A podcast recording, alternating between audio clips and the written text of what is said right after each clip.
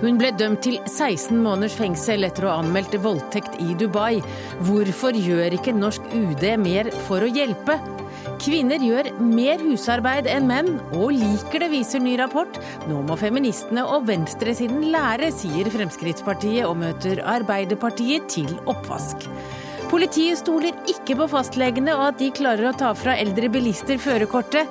Nå vil de ha egne førerkortleger. Meningsløst, svarer Legforeningen.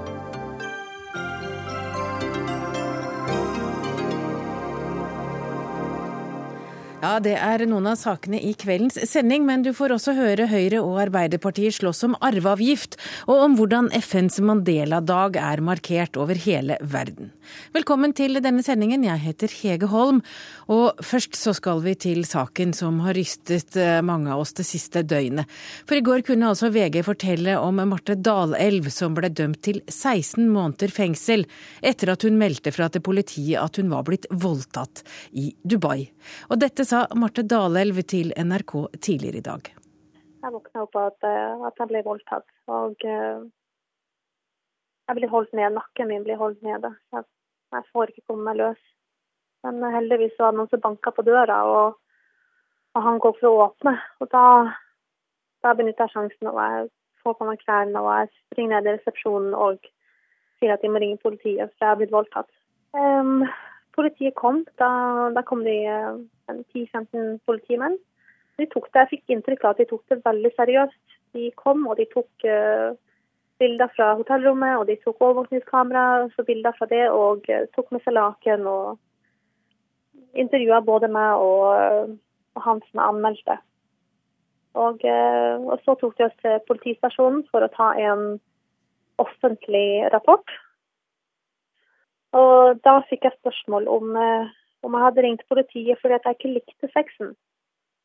Og da skjønte jeg at de tror meg ikke. Kommer jeg, ikke jeg kommer ikke videre med det her. Og det var eh, Marte Dalelvs opplevelse med politiet i Dubai, som hun fortalte NRK om tidligere i dag. Og siden voldtekten for fire måneder siden, så har Dalelv bodd hos sjømannspresten og hans familie, fordi myndighetene har da fratatt henne passet. Hun har også fått sparken fra sin svenske arbeidsgiver pga. det de kaller usømmelig oppførsel, og hun fikk altså sparken denne dagen hun anmeldte voldtekten. Anniken Meling, det er hjemme hos deg og mannen din Gisle som er sjømannsprest at Marte har bodd det meste av tiden siden voldtekten.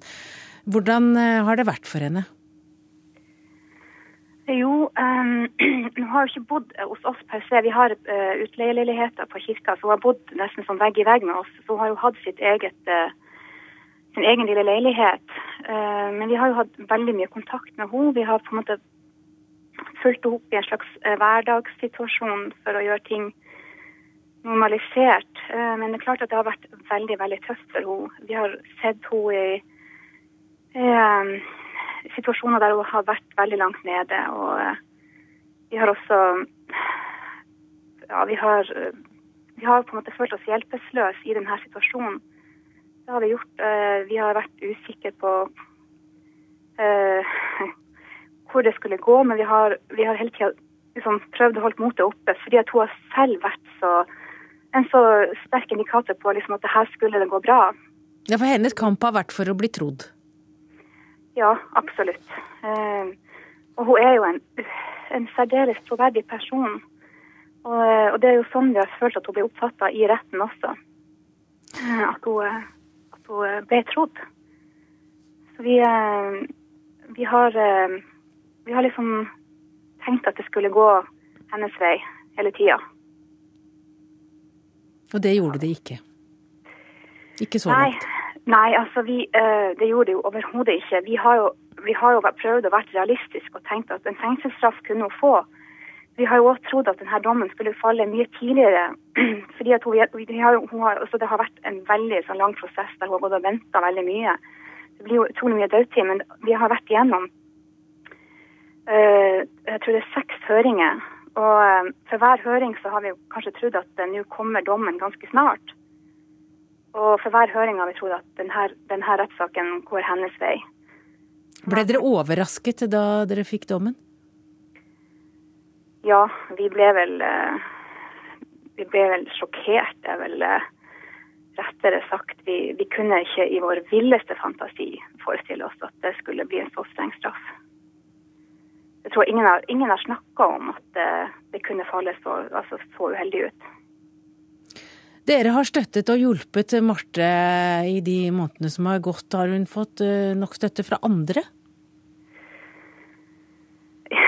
Det, det kommer jo an på altså, Hun har jo fått støtte fra familie og venner. Hun har fått støtte fra oss på Sjømannskirka, vi som har vært involvert og som kjenner til saken. Uh, har støtta henne. Men det er klart at vi har opplevd uh, totalt sviktende støtte fra fra det som var arbeidsplassen hennes. Eh, det har vel eh, det har vel vært tungt for henne å svelge. Og eh, ja Ellers så er det jo ingen som har motarbeidet henne direkte, annet enn selvfølgelig det som var rettssystemet her. Det bor mange nordmenn i Dubai.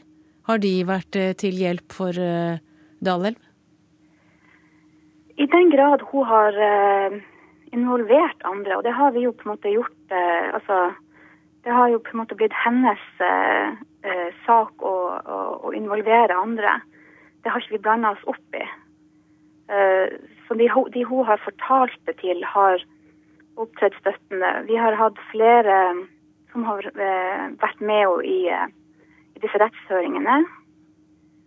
Og hun har hatt eh, andre venner som hun har blitt kjent med, som har besøkt henne mye og vært til stede for henne, som hun har blitt kjent med i Dubai. Vi har jo hørt at Marte Dalelv er fratatt passet sitt. Hva skjer videre med Marte nå? Uh, nei, som har forstått det, så er hun i en slags uh, Hun er jo en slags uh, arrest, altså ufrivillig arrest. Hun er jo wanted, står det i avisene nå.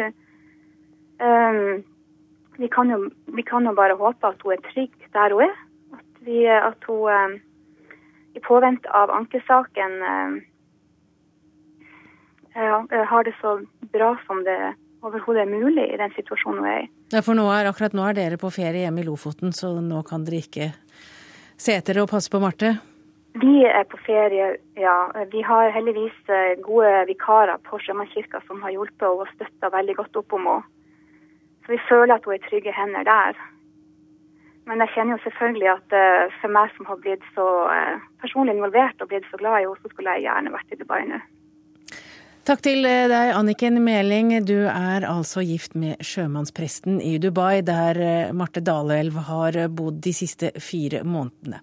Dag Øystein Ensjø, du er professor i religionsvitenskap. Du har skrevet en kronikk på NRK Ytring i dag, der du kritiserer norske utenriksmyndigheter.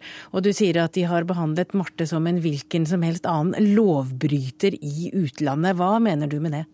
Problemet her er jo at dette er jo ikke snakk om alminnelig forbrytelse. Dette er jo snakk om ting som man ikke har lov til å forby ifølge menneskerettighetene. Altså dette, Hun er jo dømt da for sex uten fekteskapet, Og dette kommer inn under eh, menneskerettighetenes rett til respekt for privatlivet. Hun har ikke det, altså Emiratene har ikke noe rett til å, å, å forby dette. Eh, så dermed, når eh, Espen Barth Eide sier at dette er bare i strid mot vår rettsoppfatning Nei, det gjør mye mer enn det. Dette strider mot eh, grunnleggende menneskerettigheter. Og nå har vi da eh, norsk borger som har fått sine grunnleggende menneskerettigheter brutt, og Norge gjør ingenting. Ja, Katrine Rådim, du er politisk rådgiver i UD. Norge gjør ingenting. Hva gjør dere? Vi har gjort det vi skal gjøre. Vi yter konsulær bistand etter etter forespørsel. Ehm, denne dommen kom jo ganske overraskende også på oss. Og da måtte vi få lov til å områ oss og vite og kunne diskutere hvordan vi skal følge opp nå videre når dommen faktisk er der.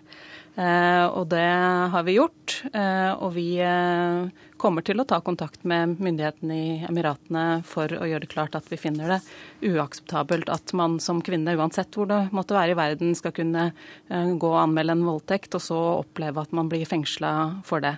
Vi har gjort det klart at det er i strid med vår oppfatning av hva som er menneskerettigheter. Men det er også sånn at denne dommen er anket. Dvs. Si at den er ikke rettskraftig, så vi må også vurdere når og hvordan vi jobber videre med den saken. Hva hvordan... kan dere gjøre? Nei, som jeg sa, altså vi har alt signalisert at vi kommer til å ta den opp. Men det er jo begrensa hva vi som myndigheter også kan gjøre. Eh, også i Dubai og de fleste andre land så er det et skille mellom politikk og rettsvesen. Eh, og vi må alltid vite at det vi gjør er til gavn og ikke til skade. At ikke vi presser på på en måte som gjør at uh, man heller beskytter seg med at dette er en rettsvesensak og dette har vi ingenting med å gjøre, uh, sånn at vi ikke kommer noen vei.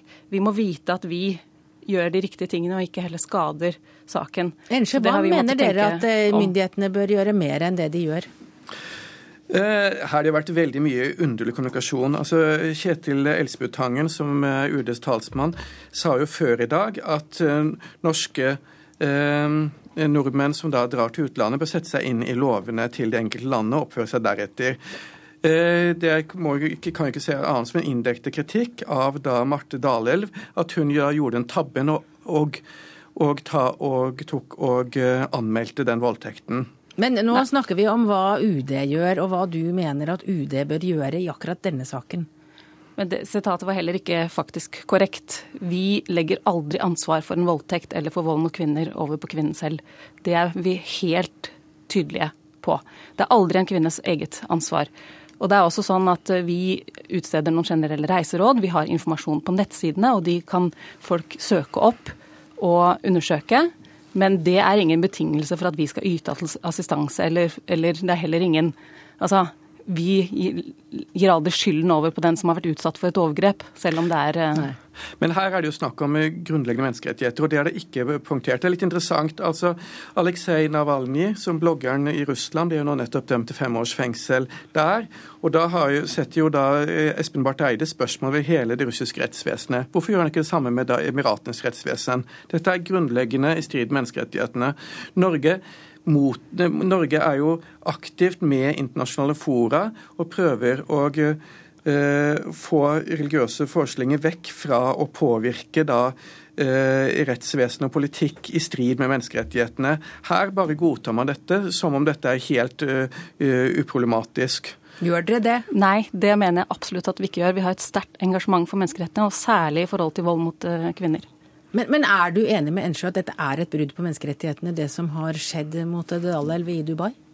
Altså, Jeg vil ikke gå inn og definere nøyaktig hva som har skjedd, all den tid eh, jeg kjenner ikke dommen heller godt nok. Men det jeg vet, er at eh, vi, har, vi mener at det er problematisk sånn som saken ser ut nå, for oss. Det, det er også et problem her at hun snakker som om dette gjelder bare et uh, vold mot kvinner. Dette gjelder ikke bare vold mot kvinner. Dette gjelder rett og slett eh, retten til respekt for privatliv. Det gjelder retten til respekt for å ha seksualliv i fred, uansett om det er homosex, heterosex eller rett og slett gruppesex. Menneskerettigheter beskytter alt dette her, både rettspraksis og konvensjoner må forstås på denne måten. Eh, det er nettopp det er det jeg, jeg etterlyser det mer prinsipielle her. Og det er også å være klare på dette her, og klare oss utad. Også klare å få med seg andre nasjoner på dette. Det er ikke bare nordmenn som skjer dette her. Og man ser dette igjen og igjen. Norge har et ganske dårlig rulleblad på dette. Så du ønsker at myndighetene her skal være klarere i det de, det de kommuniserer ut? Ja, men et, Norge har et grunnleggende problem der. i det En av våre aller nærmeste allierte, Afghanistan, har akkurat samme regler. og Det eneste Norge har gjort der, er å bygge flere kvinnefengsler som nå er fulle av kvinner som er dømt for å ha blitt voldtatt.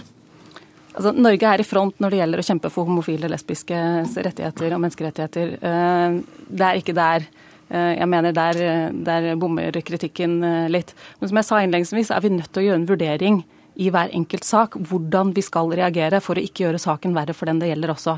Det er de vurderingene vi er nødt til å gjøre hele veien. Vi har med en til her. Vi har med Knut Vikør. Du er professor i Midtøstens historie ved Universitetet i Bergen, og du har studert islam. Og Den dommen som vi nå hører fra Dubai, den strider jo, som utenriksministeren sa, mot vår rettsoppfatning. Den berører menneskerettighetene og strider også mot den. Men du er jo altså islamforsker, og nå må du forklare oss eh, hvordan kan det ha seg at en kvinne som da selv anmelder en voldtekt, blir dømt til 16 måneder fengsel. Da kjenner jo heller ikke jeg i detaljene i denne saka, men eh, det har jo vært tilsvarende saker før i andre, andre land. Eh, og det som skjer, er jo at det er eh, to forskjellige aspekter her. Det ene er volden. Og det andre er det å ha sex utenfor ekteskap. Frivillig sex er jo, som Ensjø sa, også eh, forbudt, og da i strid med våre oppfatninger, men forbudt i flere av disse landene. Så det som har skjedd eh, i, denne typen saker, er jo da at eh, en får en voldtektsanklage. en som der retten da ikke har akseptert påstanden om, voldstand, om vold. Eh, de ser på det altså som, ikke som en voldelig, men en frivillig seksuell handling. Eh, I og for seg på samme måten som en kan skje i en norsk eh, rettssal når, i en anklage om voldtekt. Men, men, i, motsetning Norge, så, men i, motsetning til Norge, så er altså også det å ha sex Uh, utenfor ekteskapet forbudt. Og det er det uh, da i så fall blir, blir dømt for. Ikke voldtekten, men, men, men sexen. Men hva skal det til for at noen kan eh, bli dømt for da voldtekt i et land som Dubai? Det vil jo variere fra land til land. For disse, eh, disse landene praktiserer jo da eh, regler som er basert på sharia, på islamsk lov, men de gjør det på hver sin måte. Altså Hvert enkelt land har sine egne strafferegler som bygger på disse. Altså det Akkurat hva som skal til, eh, vil variere. og Naturligvis er jo Dubai og Gulfstatene svært konservative i sin oppfatning. Eh, men eh, i, i følge mer klassiske regler, så vil det være snakk om indisier. Altså har kvinner f.eks. gjort anskrik med en gang? Er det ytre omstendigheter som tyder på, som sannsynliggjør at hun har at det har vært eh, utillatelig osv. Dette er da slik det heter seg i middelalderske lovbøker. Men vi skjønner jo at det er jo ikke det De har jo ikke trodd på henne, det har vi forstått. Men, men det er altså nok å drikke, å drikke, alkohol og ha sex, det er nok til at du blir dømt til da over et års fengsel? Ja, Det må du jo altså se på i konkrete saker, den kjenner jo ikke jeg til. Men det er jo også uh, uavhengig av dette, det å drikke alkohol det er jo også et forbud eh, i, i de aller fleste muslimske land, spesielt for eh, eh, for muslimer. For utlendinger så er det litt forskjellige regler. I Dubai skal det vel være slik at du må ha et eget sertifikat som viser at du er utlending og har lov til å drikke, men da bare innenfor bestemte områder. Så at du ikke kan være berusa på offentlig staff osv. Men altså kombinasjonen av dette det jo, går jo på det konkrete som vi ikke kjenner. Takk til deg, Knut Vikør. Du er altså professor i Midtøsten-historie ved Universitetet i Bergen. Takk også til Katrine Rådin, politisk rådgiver i Utenriksdepartementet. Og Anniken Meling, som er da gift med sjømannspresten i Dubai. Og takk til deg, Dag Ensjø, professor i religionsvitenskap også ved Universitetet i Bergen.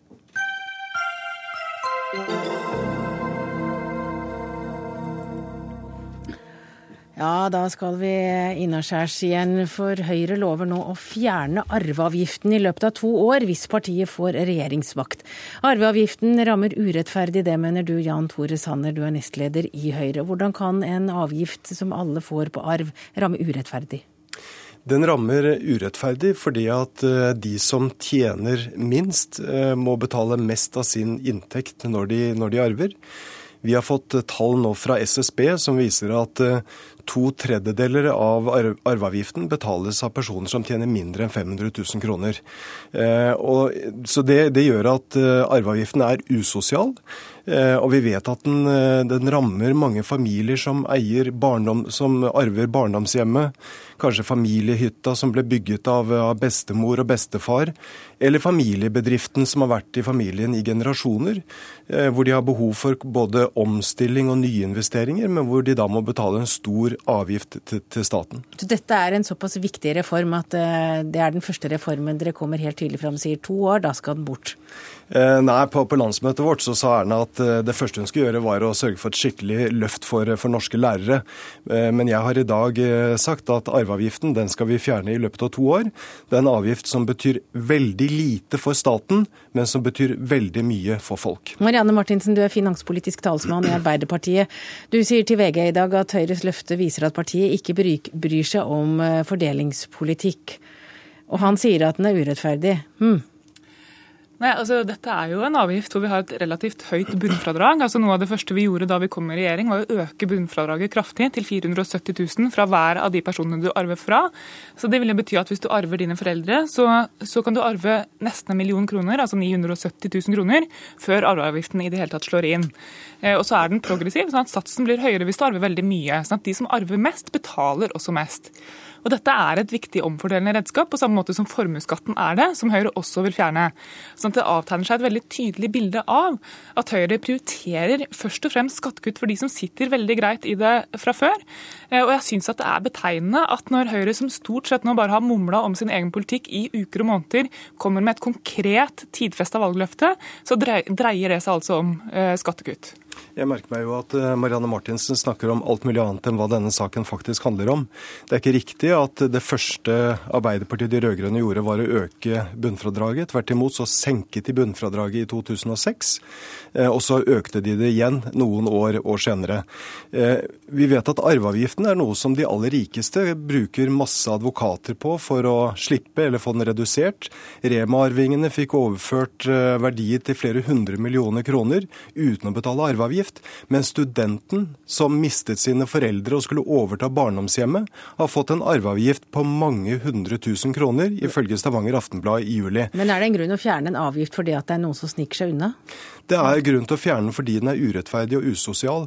Jeg syns det det er en stor eh, verdi i Norge at reiser du til noen av de mest populære hytteområdene, så treffer du lærere, du treffer eh, eh, ingeniører, du treffer sykepleiere som har arvet familiehytta, som aldri ville hatt råd til å kjøpe den eller bygge den i dag, men som har den fordi at besteforeldrene bygget det for 50 år siden.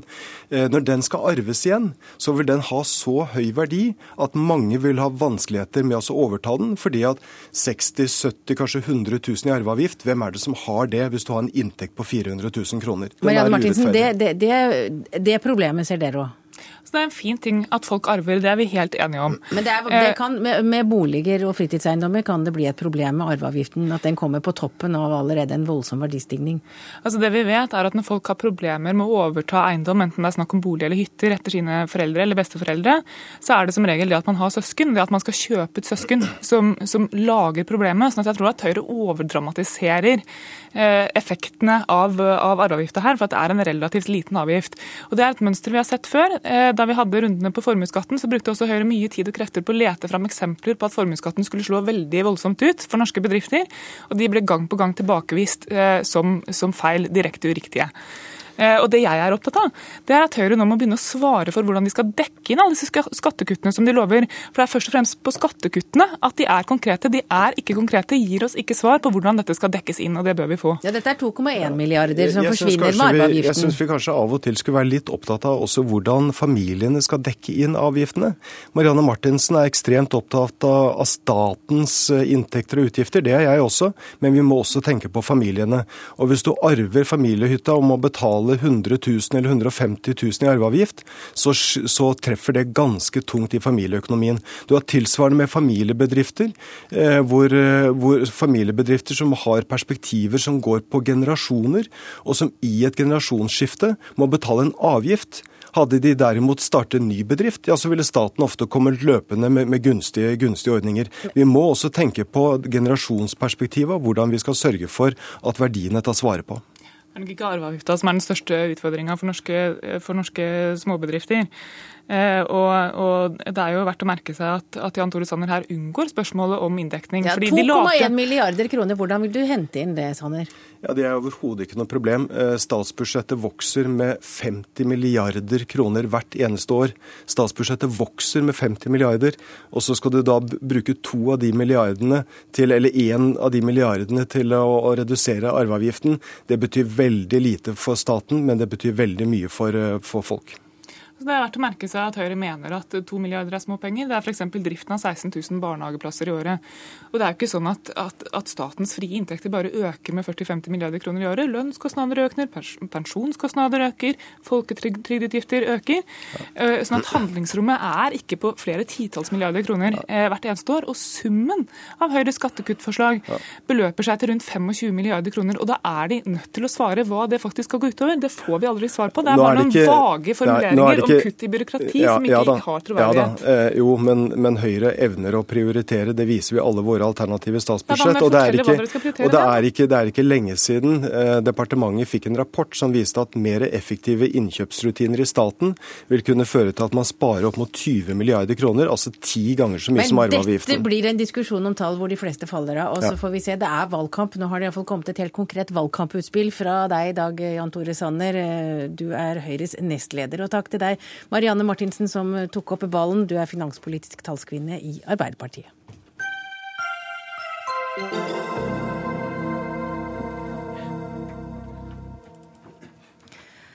I Sør-Afrika og flere steder i verden har folk i dag gjort en god gjerning etter oppfordring fra FN. Det er FNs Nelson Mandela-dag. Og på et sykehus i Pretoria ligger hovedpersonen, som også fyller 95 år i dag, og kjemper for livet.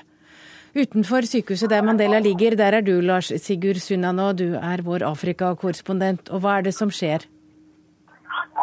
Nei, Her eh, feires det for fullt med sang og dans og jevn tilstrømning av folk som vil gratulere Mandela med dagen, og som vil ønske ham god bedring og det så fort som mulig. Det har strømmet på i hele dag, og det å fortsette utover kvelden. Både her utenfor sykehuset Pretoria og utenfor hjemmet hans i Johannesburg.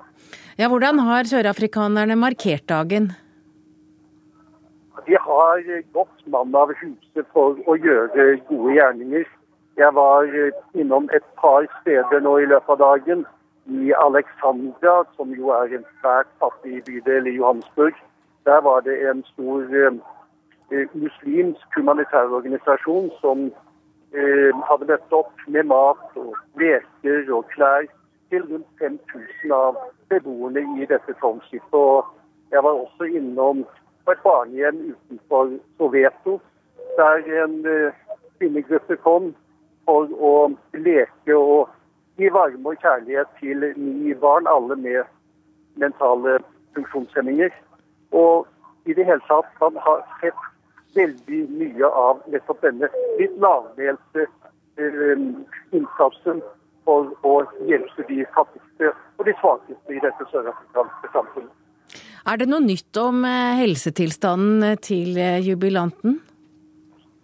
Nei, Det har jo håper å si, blitt veldig godt mottatt av millioner av sørafrikanere at Mandelas eldste datter gir positive signaler om at han faktisk ser på fjernsyn, og at han eh, kanskje kan komme hjem om ikke så lenge. Og Det er jo en, en gave til folk i Sør-Afrika når de får sånn beskjed. Men offisielt så er tilstanden fortsatt kritisk, men stabil, som det nå er hett så å si hver eneste dag siden han ble innlagt her på sykehuset for 41 dager siden.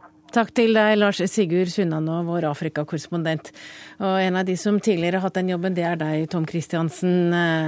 Hva betyr Nelson Mandela for sørafrikanerne i dag? Ja, Det er jo kanskje det som Sunna nå har gitt en beskrivelse av. Når det er Mandela-dagen, så går de ut og gjør sine gode gjerninger. Holder noen i hånda, fyller igjen hull i veien, maler townshipen, feier fortauene, leser for noen gamle på gamlehjemmet og den, den typen ting. Og alt dette her limer Sør-Afrika sammen til én nasjon. De gjør det for Mandela. Det er han som er et slags lim i dette samfunnet, og som, som gjør at det henger sammen.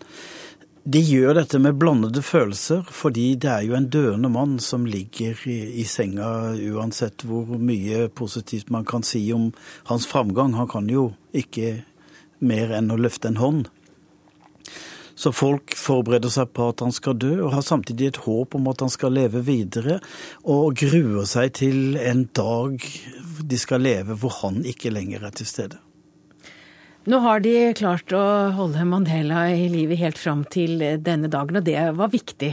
Det har du sagt før, at det er stort hvis sørafrikanerne klarer å få han til å leve fram til i dag. Hvorfor det?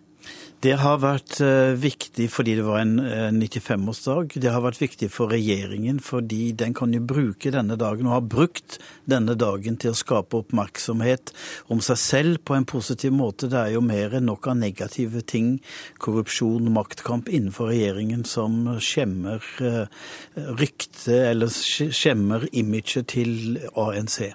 Så de har hatt det ønsket. Han ble jo lagt i respirator, og dermed så kan han jo bli liggende ganske lenge. Nå sies det at han skal, eller det er familien som er blitt enig med legene om at han skal kobles fra den respiratoren i det øyeblikk vitale organer som nyrer og lever og sånne ting begynner å, å, å svikte. Men inntil da, og han har et sterkt hjerte, inntil da så blir han liggende og puste ved kunstig hjelp. Hva skjer den dagen han trekker sitt aller siste pust og ikke lenger fysisk er blant uh, sørafrikanerne? Det vil bli et eh, nasjonalt sukk det vil bli eh, bluestoner, firstemte, som kommer til å lyde fra alle kirker og alle tog og alle busser og overalt hvor folk samles. Det vil ikke bli noen voldsorgie. Det blir eh, en sorg som alle er eh, godt forberedt på, og så går man videre med det skrøpelige regimet som man i dag har. Og så er det mange som går og håper på at det skal dukke opp en ny Mandela. Det gjør det ikke. Men Sør-Afrika har utrolig mange talenter som eh, kan komme til å vise seg viktig i framtida. ANC er i ferd med å revne, og dermed kan det oppstå flere forskjellige politiske partier. Og dermed så, så kan man få et politisk mangfold eh, etter Mandela. For det er det mange som har stemt på ANC av hensyn til Mandela. Nå er ikke den eh, forpliktelsen der den dagen Mandela dør, og da kan det, kan det bli eh, ja, en regnbue, en politisk regnbue, i tillegg til den regnbuen som hudfargen i Sør-Afrika fra før er. Tror du denne dagen i dag, Mandela-dagen, kommer til å være like viktig etter hans død? Nei, det tror jeg ikke den gjør. Denne dagen er spesielt viktig fordi det har vært så mye oppmerksomhet rundt Mandela, og fordi han, eh, han er i den situasjonen som han er. Eh, det vil bli markert år etter år og, og, og sånn, men Sør-Afrika har jo mange sånn frihetsdager i løpet av året. Så eh, det blir nok med denne dagen. Men denne, denne dagen ble jo innstiftet, innstiftet ved en resolusjon i FNs generalforsamling hvor man skulle altså understreke Mandelas kvaliteter på den dagen. Og det gjøres da ved at man gjør gode gjerninger. I 67 minutter skal man gjøre det. Ett minutt for hver dag eh, for hvert år Nelson Mandela var aktiv som politiker og som politisk menneske. Og det er det altså da mange som har gjort. Og det vil fortsette som en tradisjon i Sør-Afrika, kanskje også andre steder i verden.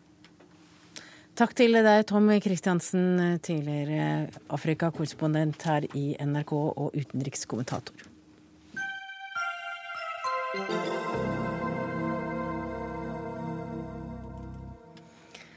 Politiet mener at mange av de eldre som kjører rundt på veiene i Norge er trafikkfarlige. Det er fastlegene som har ansvaret for, å, for, den sure plikten det er å si til eldre mennesker at de kanskje heller helst ikke burde kjøre bil. At eh, synet eller andre deler av helsen ikke holder. Men seksjonsleder for trafikk og sjø ved Oslo politidistrikt, Tore Soldal, eh, nå må du forklare, er det veldig mange farlige eldre sjåfører i trafikken? Nei, det er ikke mange, og de fleste eldre kjører bra og sikkert. Det er forholdsvis lite ulykker med eldre. Og det vi snakker om, er noen få som uh, har fått en kognitiv svikt, som kanskje ikke bør kjøre bil. Ja, hvorfor blir de ikke fratatt førerkort? Det er vanskelig å si. Uh, det er jo først og fremst fastlegen som kommer i kontakt uh, med disse personene og burde oppdage når det var en kognitiv svikt. Antageligvis så oppdager de flere enn det de gir melding til Fylkesmannen om. Det er nok tøft for en fastlege å rokke ved eh, pasientforholdet på den måten. Og vi kan ikke se eh, andre forklaringer på det. For vi ser folk som kommer ut med fersk legeattest, som overhodet ikke er i stand til å kjøre bil. Men hva kan dere i politiet gjøre, da? Det er egentlig lite vi kan gjøre. Vi kan selvsagt lage helsesaker når vi oppdager de på veien og sende melding til, til Fylkesmannen. Vi kan òg beslaglegge førerkortet hvis vi ser at de absolutt ikke er egnet til å være ute i trafikken. Men det er først og fremst fastlege, familie, som må ta et ansvar og gi beskjed når enten en pasient eller en pårørende er i en sånn tilstand at de ikke bør kjøre bil. Men dere vil nå at det innføres en spesiallege som har med førerkortsaker å gjøre. Hvorfor det? Ja, Det er min personlige mening at uh, det bør være en lege som er spesialist på uh, disse tingene. Som er spesialist på, på kognitiv svekkelse, og ikke står i et sånn daglig pasient-legeforhold til, eh, til pasienten. Ja, Visepresident i Legeforeningen Trond Egil Hansen, er det vanskelig for fastleger å si til en pasient vedkommende har hatt i mange år at du, skal vi snakke litt om førerkortet? Det er øh, vel øh, omtrent øh, like lett eller like vanskelig som andre beskjeder som de må gi til pasienten som de ikke ønsker å høre. Dette er jo leger godt vant til. At det må gis uønskede budskap. Det er ikke så mye forskjellig fra det å orientere om at det er påvist alvorlig sykdom, f.eks. Sånn at uh, en beskjed om at uh, helsekravene ikke lenger er oppfylt, er uh, legene fullt ut i stand til å gi pasientene sine. Det handler jo her også om en, en dobbeltrolle hvor man både er behandler og sakkyndig. Eh, og Det er også en rolle, dobbeltrolle som, som eh, fastleger og andre leger er veldig godt vant til, og som vi også møter f.eks. i trygdesaker hvor uh, pasienten uh, ønsker trygdeytelser som hun eller han kanskje ikke har uh, krav på. Så, så, disse vurderingene er fastlegene godt vant til. så en spesiallege syns dere ikke er noe vits? Vi mener at fastlegens kjennskap til eh, pasienten, til eh, hans eller hennes sykehistorie, tidligere aktuelle sykdommer, medikamentbruk, eventuelle rusproblemer, psykiske problemer, eh, eventuelt begynnende kognitiv svikt, er viktig bakgrunnskunnskap for å gjøre disse vurderingene. Men hva vet Og, egentlig legene om hvordan pasientene som kommer inn på kontoret er til å kjøre bil, da? Nei, Det er veldig viktig å være klar over at det som legen kan ta stilling til, er om helsekravene er oppfylt. Og hva man egentlig trenger å vite, er jo om en person fortsatt er en trygg trafikant. Og det kan være mange andre årsaker enn helsesvikt til at pasienten ikke lenger er en trygg, trygg trafikant. Og den vurderingen kan bare gjøres ved å uh, gjennomføre en uh, fornya praktisk kjøreprøve.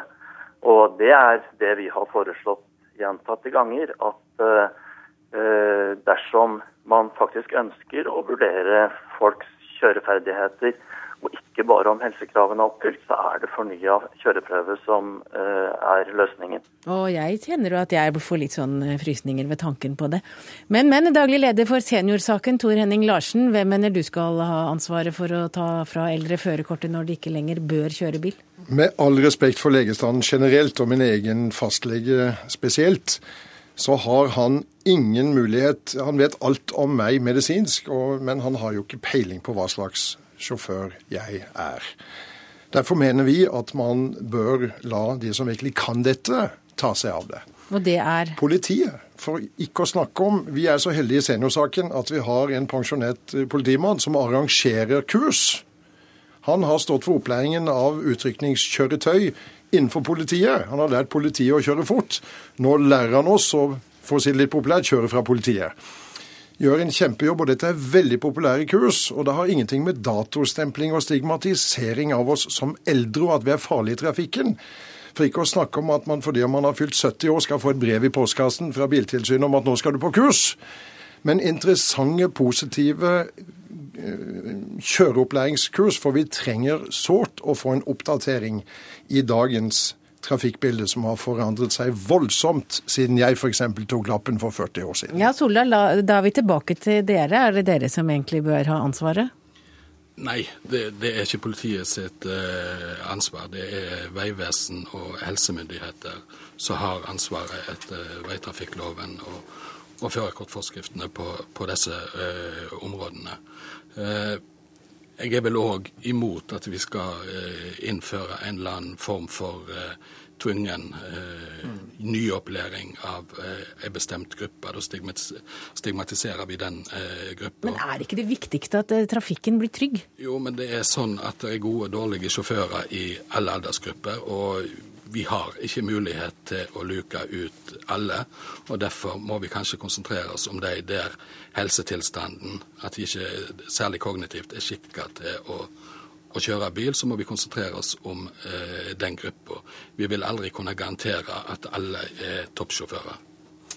Poenget er at jeg for min del eh, vet om flere 18-åringer og 20-åringer som aldri burde hatt lappen. Og jeg vet om en, eh, en 92-åring i Flekkefjord som setter seg i bilen og kjører tur-retur Trondheim uten å blunke. Han er en fantastisk sjåfør. Og vi har et medlem i seniorsaken som nettopp uh, har kjøpt seg en ny bil. Han ga seg selv en 100-årspresang. Vi må lage kjørekurs, kjøreopplæring, som er i pakt med den tiden vi lever i i dag, og ikke få tredd et kurs nedover huet på oss av f.eks. Biltilsynet. Eh, jeg sier ikke at det er nødvendigvis politiet som skal gjøre dette, men som sagt, vi er så heldige at vi har en eh, tidligere politimann som lager denne type kurs, som er utrolig populære, og som er frivillige. Ja, Trond Egil Hansen, eh, hvem mener du er, er det politiet eller er det dere, når det kommer til stykket? Legen har utvilsomt et ansvar for å avklare om helsekravene til førerkort eh, fortsatt er oppfylt. Og Der skal legene fortsatt gjøre grundig og samvittighetsfull og god jobb. Mm. Men det er altså ikke tilstrekkelig. Eh, dersom man virkelig ønsker å få vurdert om personer er trygge trafikanter, så må de i tillegg vurderes i trafikken. Lenger kommer vi ikke. Takk til deg, Trond Egil Hansen, visepresident i Legeforeningen, Tore Soldal, seksjonssjef for trafikk og sjø i Oslo politidistrikt. Tor Henning Larsen, daglig leder for Seniorsaken, var også med.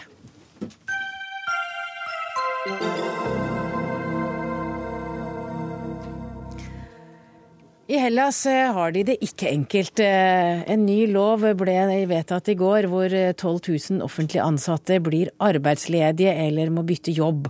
Og dette har vakt protester denne uken. I dag er det demonstrasjonsforbud i Aten fordi den tyske finansministeren er på besøk. Og Panos Dimas, du er professor i filosofi ved Universitetet her i Oslo, men akkurat nå befinner du deg i Aten. Og har du inntrykk av at grekerne respekterer myndighetenes ønske om å ha demonstrasjoner? Demonstrasjonsfri eh, sone i sentrum? Det ser slik ut nå, akkurat nå, ja. Jeg kjørte vel gjennom sentrum, ikke gjennom sentrum hvor det er ikke mulig å gjøre, men rundt sentrum, og det så veldig rolig ut. Hva er begrunnelsen for eh, den loven som nå eh, kan gi offentlig ansatte og mange sparken? Vel, begrunnelsen er ganske mangfold. Det er noe som Hellas har forpliktet seg overfor Troika til å gjennomføre, for det første. For det andre så er vel en veldig reell grunn til å gjennomføre denne loven. og Det er, har å gjøre med at den offentlige sektoren i Hellas er veldig, veldig stor. Det er altfor mange mennesker som jobber der eh, i forhold til hvor mange oppgaver de egentlig er i stand til å gjennomføre. Og det koster staten enormt mye. Så for at økonomien skal igjen uh, begynne å altså komme dit hvor den skal, så må man redusere offentlig sektor. Man må ha fare offentlige ansatte. Det er egentlig den store begrunnelsen. Ja, eh, Ola Storeng, du er økonomiredaktør i Aftenposten, og du er spesielt eh, Hellas-interessert. Kan du forklare hvorfor disse allerede så skvisede grekerne orker å reise fana og være sinte på nye reformer? Ja, nå tror jeg faktisk at jeg er ganske resignerte. Vi hørte at det var ikke så, så mye bråk i Aten eh, nå heller. Men det er jo store reaksjoner i Hellas eh, mot den hele pakken på tiltak som nå ble vedtatt i natt, og hvor, hvor eh, denne ordningen for å, for å kunne sette offentlig ansatte på etterlønn og deretter sparke dem, det er det viktigste. Men grunnen til at det er såpass reaksjoner mot det, det tror jeg ikke er i og for seg at man skal kunne redusere størrelsen på offentlig sektor, men det er at tiltakene kommer nå, etter at arbeidsledigheten allerede nærmer seg 30 og uten at det ser ut til å være noe særlig håp om bedring, og etter at lønninger og pensjoner er kuttet. Det er, eh, det er, gått helt annerledes og mye dårligere med gresk økonomi enn det både EU og IMF sa, og de greske politikere som har gjennomført uh, politikken. Og slik at nå er det en slags desperasjon hvor man går imot ethvert tiltak som kan gjøre at flere mister jobben. Selv om det da, som Dimas er inne på, eh, er en, den, den offentlige sektoren er ikke så stor, men den er for stor i forhold til de oppgavene som den faktisk løser.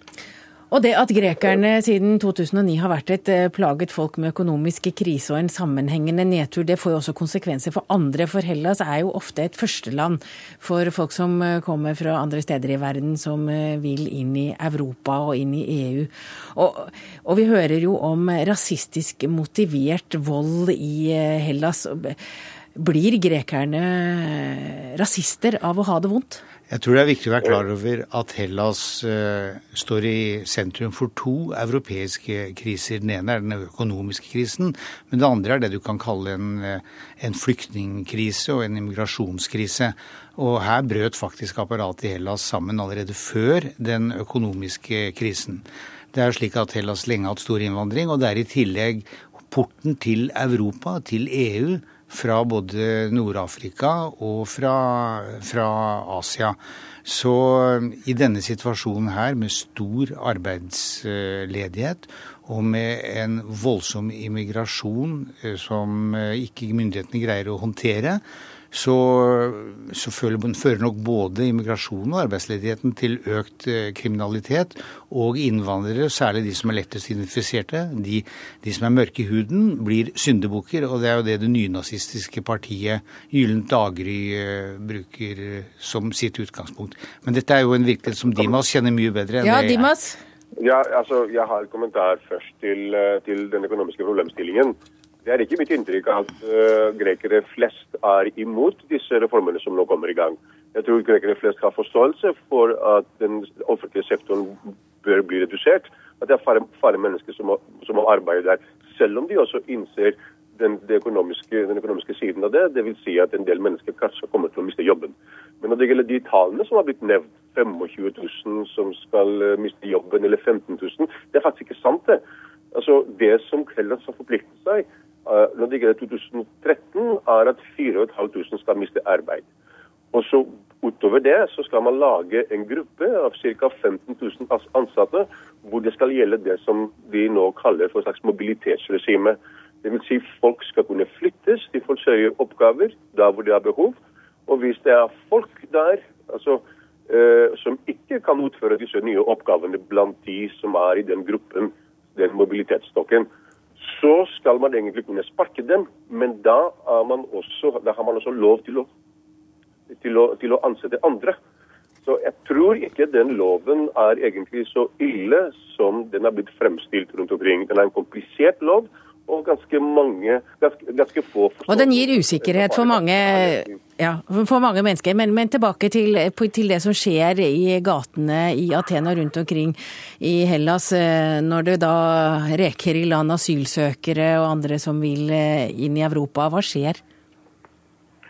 Eh, det er en del incidenter av rasistisk vold i, i Aten. Det er det helt sikkert. Det som også er tilfellet, det synes som om veldig mange, de fleste av de tilfellene av rasistisk vold som man har i Hellas, er organiserte, eh, er, av organiserte gjenger eller folk som tilhører det nynazistiske partiet.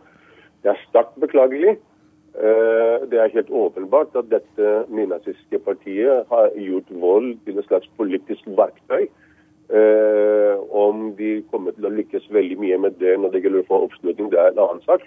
Men, eh, men, det er det som er tilfellet. Men er det mange eh, Dimas, er det mange det handler om, eller er det en liten, men, men aktiv gruppe?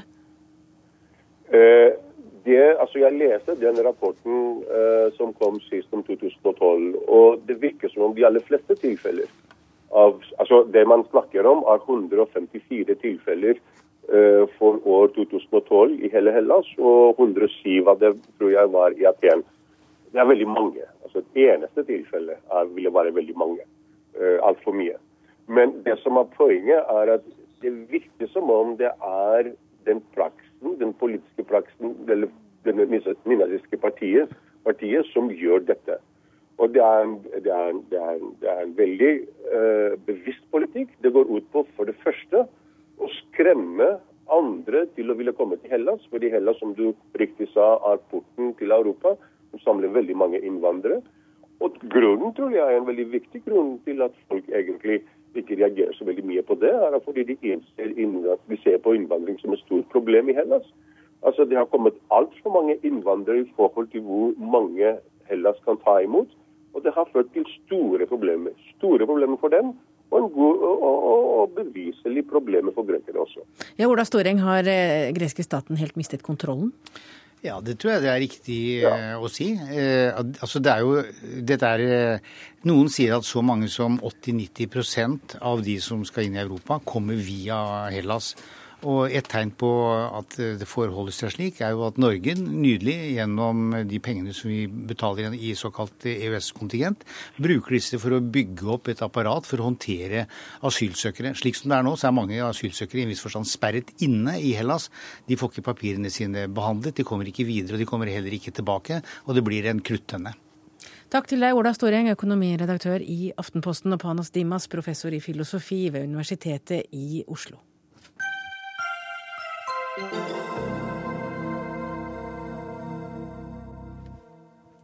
Da skal det handle om husarbeid.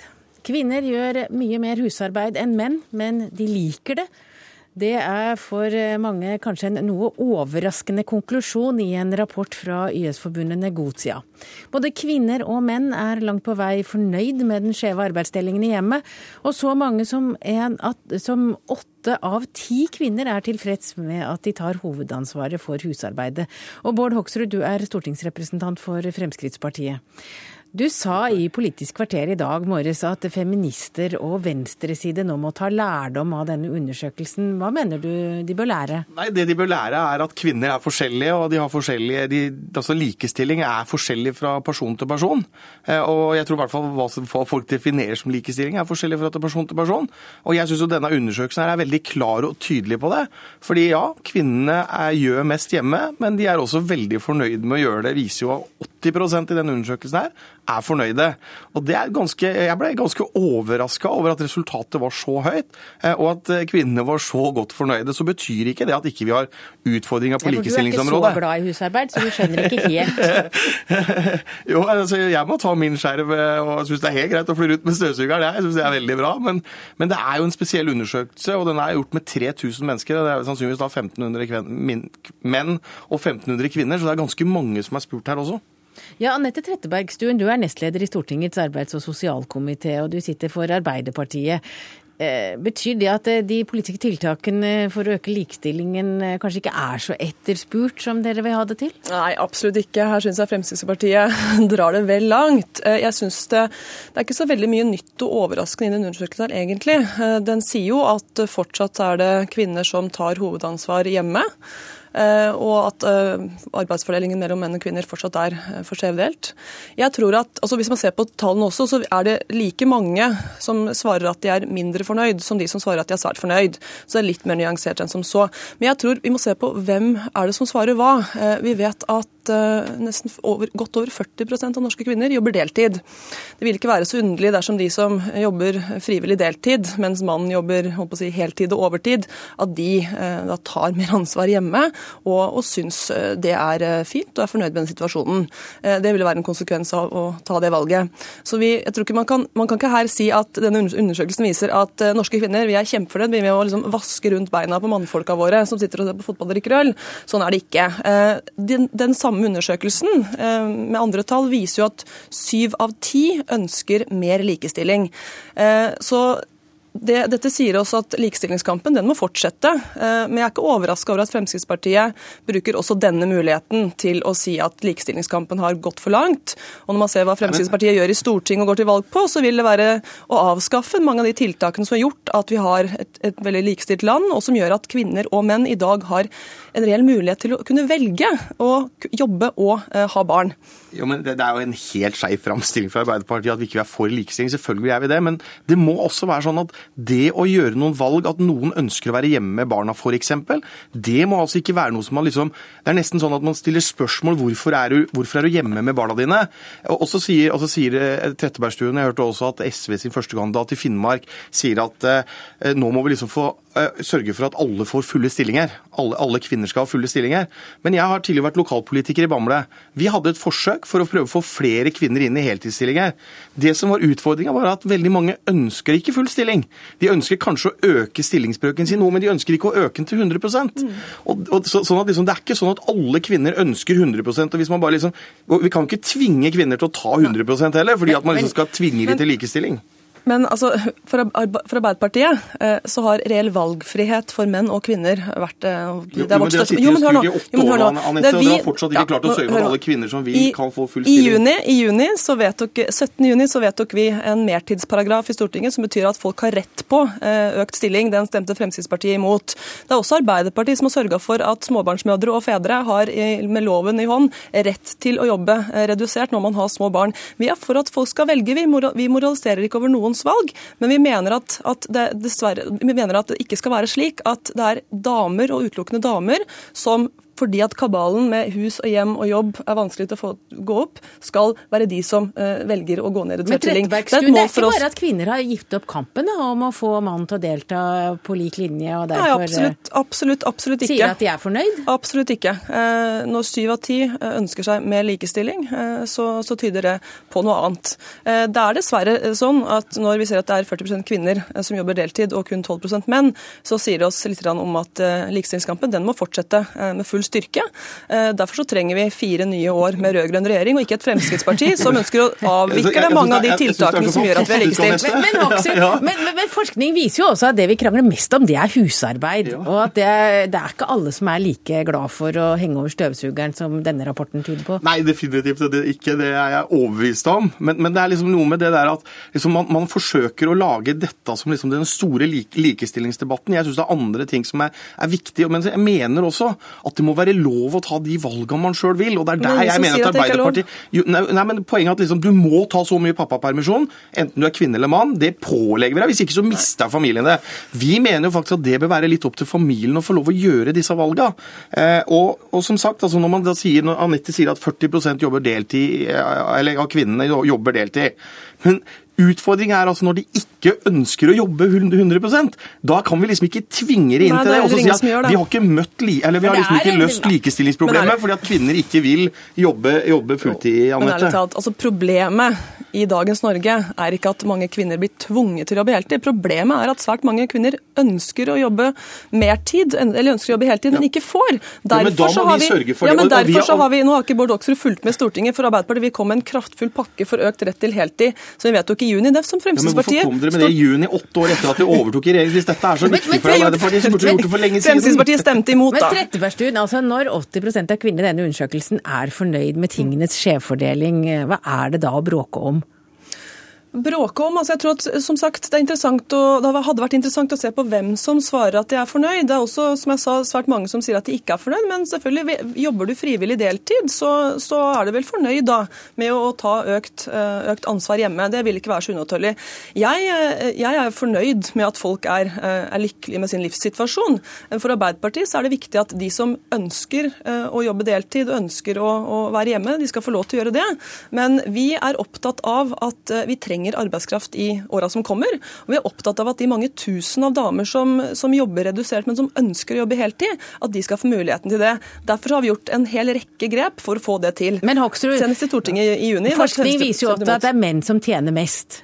Og kanskje det påvirker eh, hva kvinner svarer når det gjelder husarbeid, at eh, man får inn mest penger til husholdningen ved at far jobber mye? Selvfølgelig kan det være en av utfordringene, men det, vi ser nå at det er mange flere Og det er jo ikke likestilling? Nei, det er ikke likestilling, men vi ser nå at mange flere kvinner tar høyere utdannelse. Jeg tror dette her her kommer til å snu seg. Dette bildet kommer til å snu seg om få år. Og så har jeg bare lyst til å si Når Anette Trettebergstuen sier at det er så mange som vil ha, ha så mye annet Når 80 sier de er fornøyd, så er det 20% som sier at ikke de er det. Da er 80% er mye, mye mer enn de 20 da.